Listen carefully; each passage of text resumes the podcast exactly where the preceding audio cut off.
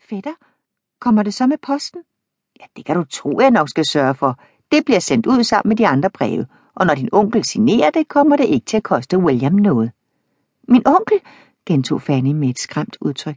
Ja, når du har skrevet brevet, så finder jeg min far for ham til at signere det. Fanny syntes, det lød meget dressigt, men hun kom ikke med flere indvendinger, og de gik sammen ned i morgenstuen, hvor Edmund fandt papir frem til hende og linjerede det med al den velvilje, som hendes egen bror kunne have udvist, og formentlig med noget større præcision. Han blev hos hende, mens hun skrev brevet, for at hjælpe hende med at spidse pinden og stave rigtigt, når der var brug for assistance på de punkter. Oven i denne opmærksomhed, som gjorde dybt indtryk på hende, udviste han en venlighed over for hendes bror, som gjorde hende endnu glædere end alt det andet. Han skrev selv en kærlig hilsen nederst i brevet og lagde diskret en halv guinea under voksforsejlingen.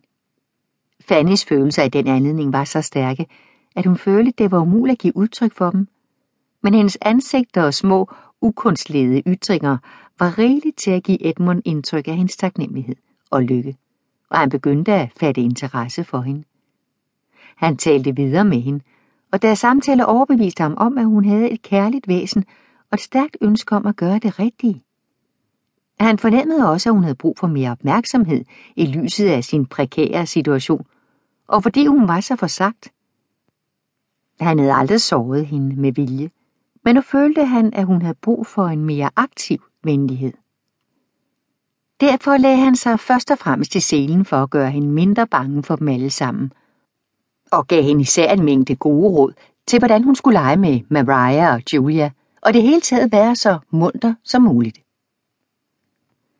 Fra den dag fik Fanny det efterhånden bedre.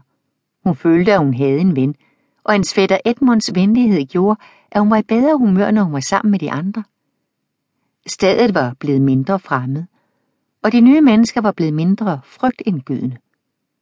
Og hvis der var nogen iblandt dem, som hun ikke kunne holde op med at være bange for, så begyndte hun i det mindste at lære deres façon at kende og finde ud af, hvordan hun bedst indordnede sig under den. De små uforfinede vaner og den akavethed, der i begyndelsen havde givet alle dårlige nerver, ikke mindst hende selv, fortonede sig efterhånden, og hun var ikke længere skrækslagen for at være i selskab med sin onkel, ligesom tante Norris' stemme ikke forskrækkede en helt så meget.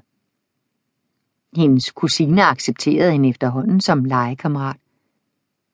Hendes alder og kræfter var selvfølgelig for ringe til, at hun kunne få lov til at være sammen med dem altid, men andre gange passede en tredje mand glimrende til deres fornøjelser og en trier, især når denne tredje mand havde et lydigt, føjeligt temperament. Når deres tante spurgte til hendes fejl, eller når deres bror Edmund huskede dem på, at de skulle være søde ved Fanny, måtte de indrømme, at Fanny var flink nok. Edmund var selv flink, altid, og Tom udsatte hende trods alt kun for den slags spøgefuldheder, som en ung mand på 17 altid vil synes er rimeligt over for et barn på 10.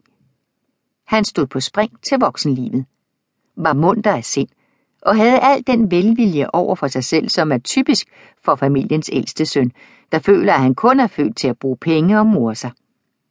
Hans venlighed over for sin lille kusine faldt i tråd med hans stilling og hans rettigheder. Han gav hende nogle vældig nydelige gaver og lo af hende. Sir Thomas og Mrs. Norris blev mere og mere tilfredse med deres godgørende plan, i takt med at Fannys humør og udseende udviklede sig til det bedre, og de blev hurtigt enige om, at om end hun absolut ikke var begavet, så var hun medgørlig af væsen og ville formentlig ikke komme til at volde dem de store vanskeligheder. De var langt fra de eneste, der så ned på hendes evner. Fanny kunne læse, vurdere og skrive, men hun havde aldrig lært andet end det. Da hendes kusine derfor kunne se, at hun ikke